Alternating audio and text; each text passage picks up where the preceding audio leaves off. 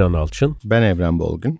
Para Meselesi podcast'inde yeni bölümle karşınızdayız. Bu hafta bütün dünyada aslında Sevgililer Günü genel anlamda tüketim kısmına en azından damgasını vurmuş oldu. Biz de bu haftaki podcast konumuzu aşkın ekonomisi olarak seçtik. Gayet keyifli, güzel evet, bir konu. Evet öyle gözüküyor. Ee, başlayalım hocam. Başlayalım bakalım.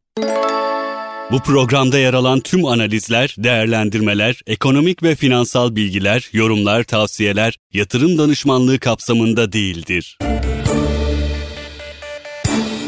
Evet hocam şimdi girişi ve kapanışı dedim ya bu çok aşkın ekonomisi. Ee, bu hafta herkes sevgilisine e, bir şeyler almaya çalıştı ama sevgililer günü nereden geliyor ile ben bir başlayayım. Sonra müsaade edersen çok fazla tarihine girmeyeceğim çünkü çok şey konuşuluyor ama yani bu Valentine's Day dedikleri e, aslında bir pagan festivalinden alıyor şeyini adını geçmişte ve 15 Şubat'ta aslında işte doğurganlık, cinsellik ve şiddet temaları üstünden yapılan bir festivale kadar gidiyor Lupercalia Festivali. İşte erkek keçilerin, e, köpeklerin Romalı rahipler tarafından kurban edilişiyle başlıyor. Sonra kurban edilen hayvanların kanı işte soyunan rahiplerin alınlarına sürülüp daha sonra süte batırılmış bir yünle kanlarını siliyorlar. Yani ne kadar enteresan bir aslında pagan ritüelinden e, bugüne geldiğimizi düşünürsek yani burada ritüel bitince ziyafetler veriliyor. Rahipler kurban edilen hayvanların derilerinden kırbaçlar yapıyormuş falan.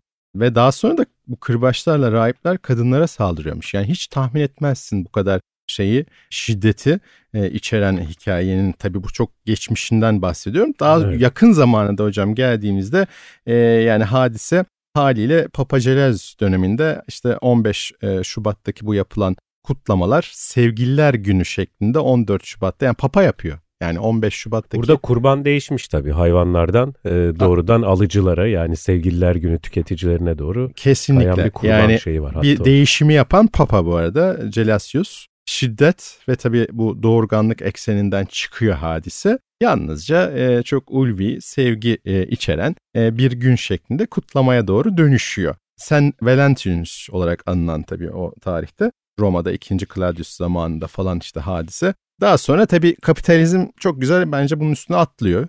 E, bu konuyu bir değerlendirmeni isterim çünkü iş evet. sevgililer gününde harcamaya yani önümde birazdan seni destekleyen istatistikleri de vereceğim. Geçen e, yıla yani geçtiğimiz iki yıla göre ama tüfeğe onu uyarlayarak bugünküne getireceğim. Kapitalizm bunu çok seviyor tabii. hocam. Şimdi burada tabii kategorik olarak baktığımızda sevgili biraz üst bir kavram. Hı hı. Bunun içerisinde aşk, ayrı bir kavram. Hı hı. Birliktelik ayrı bir kavram. Öte yandan sevgililik halini ya da sevme halini iki insanın karşılıklı e, bir duygu e, duygudaşlığının ötesine taşırıp e, işte evlat sevgisi, hayvan sevgisi, doğa sevgisi hı hı. ya da tanrı aşkı hı hı. gibi kavramlarla da ifade edildiğini görüyoruz tabii. Şimdi aşk nedir diye belki sormak lazım kimyasal olarak oksitosin hormonunun neden olduğu bir aslında sapma, anomali. E, bu oksitosin hormonu e, özellikle rahata kavuşma ihtiyacı içerisinde olan kişilerin e, salgıladığı aslında bir arayış hormonu. Mesela bunun e, ilk e, en yaygın oksitosin hormonunun salgılandığı an hı hı. E, bir annenin doğum yapma anı. Ee, bu e, süreç yani bu oksitosin hormonu sayesinde e, bebeğin doğum anı kolaylaşıyor. Rahatlatıyor. Rahatlatıyor ve aynı zamanda da bebekle anne arasında da tanımlanamayan hani bu işte annelik içgüdüsü denilen veya o e, güçlü bağ ortaya çıkmış oluyor. Hı hı. Şimdi tabii şöyle e, düşünebiliriz. Madem ki bu bir anomali o zaman biz oksitosin hormonunu artıracak e, kimyasallarla bir şekilde aşık olmayı sağlayabilir miyiz? Evet. Peki bunu tedavi edebilir miyiz? Bunun yanıtı da evet. Çok güzel. Yani oksitosin hormonunu azaltarak Hı-hı. aslında aşkı ortadan kaldırabiliyorsunuz. Hı-hı. Aşk olma halini. Peki bu şey burada hı, evet. bu, yani bir hani 3 saniye 5 saniye gibi şeyler söylenir ya yani bir anda aşık. Güzel. Heh. Şimdi oraya geldim.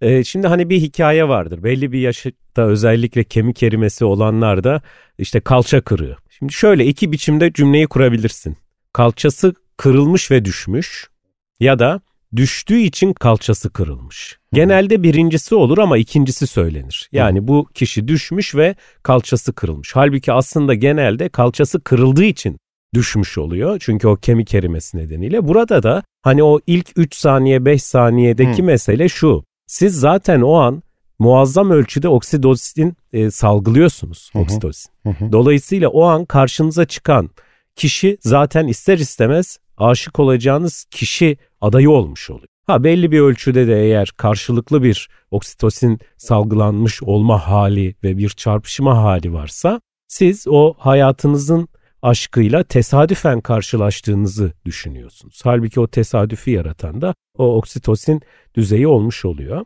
Burada son şunu söyleyeyim. Sonra sen devam et çünkü çok önemli o çıkış ve gelişimi. Ee, burada tabii aşk hali bir kurumsal yapının ötesinde aslında bir baş kaldırma. Belki başta bahsettiğin o törenlerin veya da o törel hazın tamamını da içeren biçimde bir ayrıksı durum içeriyor. Fakat iş sevgililik haline, ilişki haline, evlilik haline ya da işte analık babalık haline gibi kurumsal bir şeye dönüştüğünde mülkiyet ilişkisi ortaya çıkıyor. Şimdi burada aşkın içerisindeki aslında gizli olan o mülkiyet yine duygusu aşkın o yoğun hormonal dengesizliği ya da anomalisi e, tarafından tarumar ediliyor. Burada bu işte e, mesela Aron'un sözü gibi işte mutlu aşk yoktur hikayesi de biraz buradan geliyor. Çünkü zaten eğer bir mutluluk bir akışsa yani anlık hazın e, ötesinde lineer bir durum yaratacaksa sürekli o e, gidecekse aşkla birlikte bunun olması zaten mümkün değil. Çünkü o oksitosin e, dengesini sürekli belli bir düzeyde e, tutmak gerekiyor. E, geriye ne kalıyor o zaman? Gerekçeler kalıyor. Hani az önce ifade ettiğim haliyle e, yani düşecek gerekçeler gerekiyor. E, bu gerekçeleri yaratabilmek için de aslında o mülkiyete ait değerler fark etmeden aşkın içine serpiştirmek gerekiyor. Nedir bu? Mesela en iyi göstergelerinden biri işte kapitalizmin de hani bir yansıması olarak baktığımızda işte mesela bir pırlanta yüzük, aşkın sembolü diye konuşulan çeşitli kavramlar ya da işte bir kalp figürü aslında olmayan bir kalp figürü ve karşılıklı hediyeleşme bir ödünleşme süreci. Öte yandan yine kadın erkek üzerinden düşündüğümüzde bu ilişkilerde örneğin karşılıklı roller Hı hı. Diyelim ki bir lokantaya, restoranta ya da bara gidildiğinde hesabı kimin ödeyeceği meselesi. Bütün bunlar aslında o aşkın sanki bir ilişkiye dönüşecekmişçesine sürekli hale getirilmesi için bir çaba. Bunu da e, en iyi gören herhalde e, pazarlamacılar, Hı-hı. reklamcılar öyle gözüküyor. Aynen öyle. O kadar e, güzel e, özetledin ki zaten hiç girmek istemedim işin hormonal e, yapısından. Oksidosin yani sen anlatırken tabii podcast'imizde para meselesi ve ben de hani 30 yılı aşkın bir süre içerisinde finans piyasalarında e, geçirince büyük ölçüde her kademesinde ya da her sektörün e, alt kırılımında bu oksidosinin dışarıdan alınmasını sağlayan bir şirket hani e, ilaç şeklinde varsa bunu borsada trade edebiliyor muyuz diye düşünmedim değil bakacağım ama yayından sonrasında. Fakat şey e, ilave bir katkı yapayım sana yine aşkın e, ekonomisi e, başlığı altından. Montaigne'in e, denemeler e, eserinin e, tiyatro oyununa gittim hocam bu hafta. Şimdi tam ismini hatırlayamadım başrol oyuncusunu iki kişiydi zaten. Adamcağız şey diyordu yani evlilik aşkı öldürüyor. İmzadan sonrasında hadise aşktan sevgiye daha sonra oradan da arkadaşlığa doğru yani bu tabii evreleri var e, muhtemelen. Onu özetliyordu. Hani o katkıyı yapmış olayım kısaca ama oradan da şeye geçeyim. Bu konuyu çünkü çok uzatmak istemediğim için konunun e, ilginç yani kapitalizm tarafı. Şimdi hocam şey var. Garanti BBVA'nın ödemeler sistemi GÖSAŞ diye bir kurum var. Bu sevgililer gününe yönelik harcama istatistiklerini hesaplıyor ama daha tabii 2024 falan yok. Ben onu hani 2022'yi bulabildim. Onu da tüfeyle işte resmi tabii e, TÜİK rakamıyla e, bugüne getirmek gerekecek ama hani önce şeyi söyleyeyim 2022'deki görüntü sevgililer günündeki alışveriş e, en çok kuyumcuya yap, e, yapılıyor hocam. %178 e, harcamaların alışverişlerin en fazla artış gösterdiği sektör sıralamasında birinci kuyumcular, ikinci çiçekçiler. Daha sonra işte sinemaya gidiliyormuş demek ki onu görüyoruz ve gençler... Bunlar biraz daha başındakiler herhalde sinemaya giden. Ha işte o yüzden Mon- romantizm aşaması. Ha Montaigne denemeleri o yüzden ilave katkı yaptım. Ee, başrol oyuncusu da bayağı 55 yaşlarında 60 yaşlarına yakın bir arkadaştı. Sanatçıydı. Şimdi yani e, en gencimiz anlaşılan motiv, sevgi e, şeyini e, uygulama yani oksitosini en çok o salgılıyor herhalde ki çünkü motivasyonu hakikaten en yüksek. Yani 20 yaş grubu ve altındakiler kredi kartı alışverişlerine bu dönemde e, az önce senin de söylediğin gibi çiçek ve sinema tarafında e, ve kuyumculuk tarafında şey gösteriyormuş. Fakat tabii şöyle bir şey de var. Sıralamada Sevgililer Günü e, şeyden e, yukarıda e, Anneler Günü'nden. Ve babalar günü de arkada geliyor. Bunu daha önce sana iki gün önce konuşmuştuk. Yani sevgiliyi herhalde daha mı çok seviyoruz? Anne? Şöyle sevmek değil de işte az önce ifade etmeye çalıştım. E, elde tutma çabası var. Hmm. Yani bu sevgililer günü, doğum günü de ekleyebilirsin, hmm. yılbaşını da ekleyebilirsin. Bu tip e, dönüm noktalarında karşı tarafı elde tutabilmek için e, bir şekilde ödünleşmek gerekiyor. Ama şimdi anne ve baba için aynı şey geçerli değil. Yani hediye versen de vermesen de az da versen çok da versen o anne aynı anne, baba da aynı baba olmaya devam ediyor. Dolayısıyla buradaki biraz daha aslında bir alışveriş tırnak içerisinde söylüyorum e, olarak da görebiliriz. Yani burada tabii şeymiş hocam kadınlar sevgililer günü alış bu karşılıklı tabii ki yani sevgililer gününde iki taraf birbirine normalde zaten bir hediye alıyorlar. İşin ritüeli gereği ve yani kadınlar biraz daha fazla alıyormuş erkeklere kıyasla. Yani bir de böyle bir istatistik var. Ee, gene genele bakıldığında yani sayıda tutar olarak mı sayı olarak mı hocam? Ee, yani şey, parça tut, olarak tuta, mı? Tutar olarak. Fiyat olarak. Tutar olarak. Yani demek ki kadınlar Evet erkeklerde e, biraz bir düzlük var genel olarak. bu bildiğimiz bir şey. Mesela bu evlilik yıl dönümlerinin hatırlanması, unutulması meselelerinde de görüyoruz. Kadın e, beyni tabii daha karmaşık çalışıyor. Duygunun daha fazla işin içinde olduğu ve aslında sevginin de hani aşk ayrı bir hikaye belki ama sevginin de daha e, derinlikli yaşandığı cins e, kadın cins. Burada mesela şey hocam Amerika biliyorsun istatistik tarafında çok iyidir. Her şeyi tutarlar. Ee, mesela Amerika yakın bir veri bu. Geçen seneki veri 2023'ü bulabildim. Amerika'da sevgililer günü harcaması e, 26 milyar dolar olmuş. Onlar biliyorsun işte Kara Cuma, Noel tatili, e, yılbaşı girişleri bu Thanksgiving dedikleri falan şükran günü falan onlar da gün gün çok Amerikalılarda da 26 milyar dolarlık bir şey var. Fakat bu tabi hani e, yine kapitalizme bağlamak gerekiyor çünkü hediye hediyeleşme hikayesi hakikaten ilginç bir ritüel haline döndü. Yani bu özel günlere karşı sempati duyanlar tabi oldukça fazla olmakla birlikte antipatik bulan bir kesim de oluşmaya başladı. Yani özellikle yani bu hediye alışverişi ister istemez yani kapitalizmin bütün e, şeyi unsurlarını her bir yanda görüyorsunuz yani hem görsel hem bas, yazılı basın vesaire.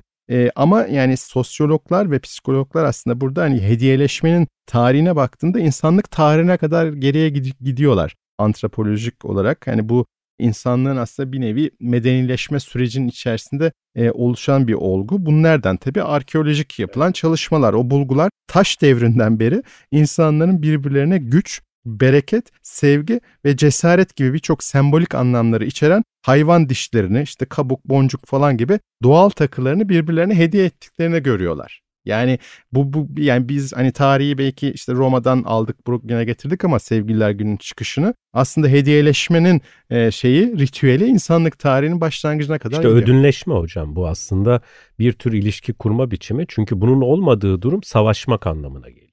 Yani bahsettiğim biçimde hı hı. taş devrinde örneğin e, çeşitli işte taşlar veyahut da e, kabuklar veyahut da dişleri hı hı. karşı tarafa hediye olarak sunmadığında hı hı. aslında karşı tarafın rakibi olduğu e, izlenimi de vermiş oluyor ve bir savaş kaçınılmaz ya da bir çatışma hali kaçınılmaz duruma gelmiş oluyor. Burada tabii şey de var hani işin dedim ya bir yoğun miktarda savunucusu varken daha azınlık miktarda karşı çıkan grupları da hep her şeyde olduğu gibi yani tez antitez gibi hani tam e, yaklaşmak istemiyorum konuya ama yani tüketicilerin bir kısmı da hakikaten tükenmişlik duygusu işte bağlantısızlık. Herkesin de sevgilisi yok ki yani. Şimdi sevgilisi olmayanlar bu haftayı nasıl geçirsin gibi bir empati kurduğunda tasarruf ederek geçir.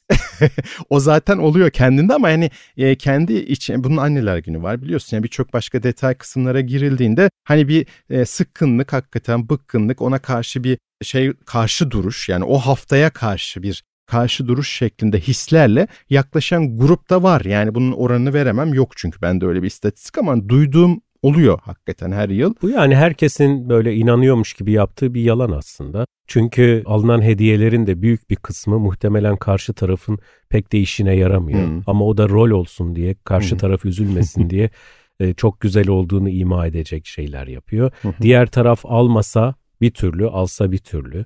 Çünkü almadığı durumda doğrudan düşünmemiş. Bu sadece sevgililer günü için değil, diğer işte yılbaşı e, ve işte diğer günler içinde ya da bayram gibi e, dönemler için de geçerli.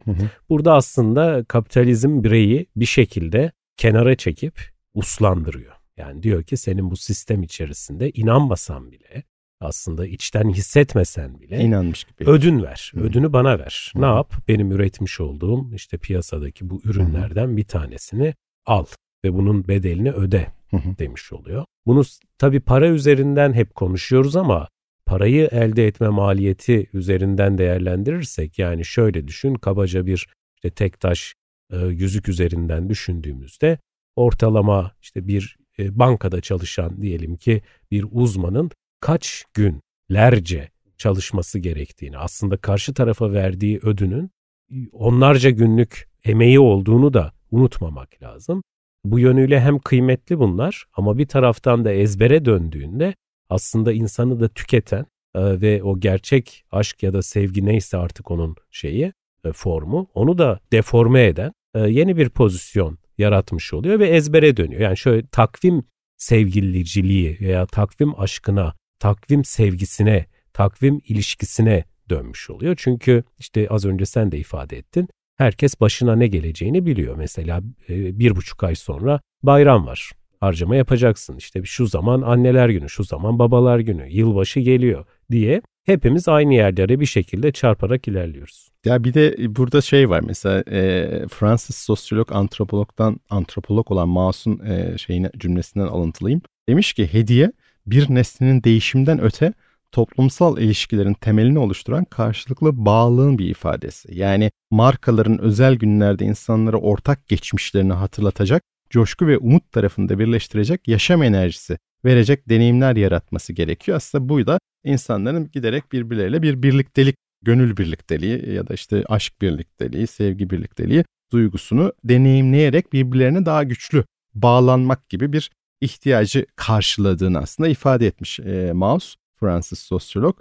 E, ama yani burada şöyle bir şey de var. Yani kapitalizmin hani bu konuyu kapatayım o, e, bu anlamda da yani markalar tarafında şeyi görüyoruz. Yani özellikle bu haftanın içerisinde işte alışveriş merkezlerine gittiğimizde hepimiz yani herhangi bir markanın önünden geçtiğinde zaten ona e, telefonlardan falan e, elektronik posta adreslerimizi de verdiysek her yerden yakalanıyoruz. Hani senin e, işte eski e, bir şeyini, giydiğin kıyafeti ya da e, sevgilinizin herhangi bir şeyini, eşyasını güncel bir tasarımla size yeniden hazırlayalım, size sunalım, işte %50 indirimle verelim falan gibi bir sürü şeyler gelmeye başlıyor duyurular. Hani bu bir anlamda markaların da aslında kendilerini ifade etme biçimine geldi ama yani kapitalizmle mücadele kolay değil hocam. Yani iş zor orada. Ben çok hani kolay bir şey oldu, çözüm olacağını düşünmüyorum. Yani bu iş böyle katlanarak bence gidecek daha mücadele etme niyeti olması lazım. Öyle bir niyet de yok. Burada herkes kendini kurtarmaya çalışıyor. Yani bir şekilde ver kurtul şeyi Aynen öyle. Ortada. Aynen öyle. Şimdi bir başka konu sonlara geliyoruz ama iki tane çok güzel şey var. Onun görüşlerini merak ediyorum senin. Çünkü tam konuyu vuran bir şey. Yapılan bir araştırma var hocam. Alışveriş sitesi avantix.com. Demiş ki flörtün aylık maliyeti 4 bin liraya aştı. Bu arada bu e, 2023 e, rakamı. 4 bin lira aylık maliyeti varmış flört etmenin. Yani enflasyon şu anda 65'te e, TÜİK'te biliyorsun. Hani bunu bugüne getirdiğimizde 6500-6600 liraya kadar çıkıyor. Bir iki istatistiği daha vereyim. Yani görüşünü merak ediyorum. Orta nasıl hesaplamışlar diye Çiftlerin e, ortalama 2 yıl süren flörtleri ve nişanlık dönemlerinde e, yani bir kere 27-35 yaş grubundaki 1000 katılımcıya yapılmış. E, ne kadar harcama yaptıklarını flört dönemlerinde ve nişanlıkta. Yani sinema, tiyatro, işte etkinlikler, yeme, içme falan gibi ortalama ayda 10 kez buluşma oluyormuş hocam. Bu 10 buluşma için de toplamda 55 bin TL 2023 rakamları ödeme e, yapılıyormuş. Karşılıklı alınan hediyeler varmış. Bunlar da 13 bin lirayı falan bulmuş. Yalnız bir hani son istatistik olarak şunu vermek istiyorum. İkinci yılda e, ikinci yıldaki buluşma maliyetleri hocam o 55'ten 43'e düşüyor. Hocam çünkü sürdürülebilir bir forma geçiş çabası o sırada ortaya çıkıyor. Onun adı da evlilik ya da birlikte yaşamak. E, şimdi neden insanlar evlenir? Böyle bir soru sorduğumuzda. Şimdi mesela insanlar aslında ekonomik olarak sürdürülebilir bir yaşam için evlenir. Şimdi erkek için de geçerli bu, kadın için de geçerli. Erkek bir yönüyle tabii genelleyerek söylüyorum ama e, bakım emeğini karşı tarafa yükler. Kadın açısından da toplumsal kabul görürlük, aynı zamanda aile kabuğunu kırıp kendine ait bir ev yaratmak. Bu yönüyle de baktığımızda ters gibi gözükecek ama özgürleşme alanı olarak görür. E diğer taraftan da senin bahsettiğin bu harcamalar yani aylık 55 bin e, düzeyindeki şey, yıllık. yıllık 55 bin düzeyindeki şeylerin ağırlıklı kısmı muhtemelen ilk aylarda yani o cicim ayları denilen kısımlarda ve bu işte dışarıda mecburen dolaşılması gereken işte kafede, restoranda, sinemada ve e, yüksek para harcanması gereken. Ki bu 55 bin dediğin bu gibi sürdürülebilir değil. 2023 yani bu bu yıl evet. mesela 90 100 bin liraya doğru gider. E şimdi bu sürdürülebilir değil. Hazır şey de var şimdi evlilik kredisi de var bazı illerde. Yani 150 bin. 150 bin e, sıfır yıl, faiz. 2 yıl ödemesiz. Evet 2 yıl ödemesi sıfır faizli.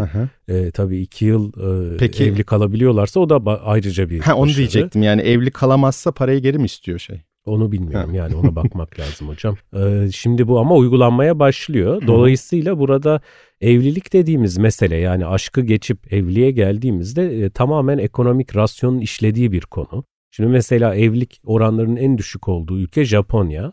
Neden öyle? Japonlar birbirini sevmiyor mu? Yok seviyor. Kadın erkek ilişkileri de bize çok benzer aynı zamanda. Ataerkil bir toplum. Yani aileyi önemseyen, öne koyan bir toplum. Neden bu kadar düşük? Çünkü ihtiyaç yok. Hocam her şeyin makinası var. Her şeyin makinası var aklınıza gelebilecek. E, dolayısıyla kadın açısından da erkek açısından da bir şekilde tek yaşamda olanaklı, sürdürülebilir ve bu belki işte flört olarak, flört harcaması olarak senin az önce ifade Hı-hı. ettiğin kısımları da rahatlıkla karşılayabilecek durumda. E, o zaman evliliğe e, ne gerek var sorusu akla geliyor. Burada çocuk mesela bir şey olabilir.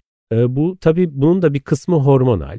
Yani özellikle 30-35 yaşından itibaren e, insanın gerilemeye başladığını hissetmesiyle birlikte bir yenilenme ihtiyacı ortaya çıkıyor. Bunun iki yolu var ya çocuk yapacaksın ya da bir hayvan ya da birkaç neyse işte yani hayvan besleyeceksin e, ya da çok önemli bir hobi olabilir. Bir hayatında önemli bir yer kaps, e, kaplayacak ve bir şekilde bir yenilenmeye doğru gidiyorsun. Aslında bencilce bir yaklaşım ve yatırım yapıyorsun tabii çocuğa.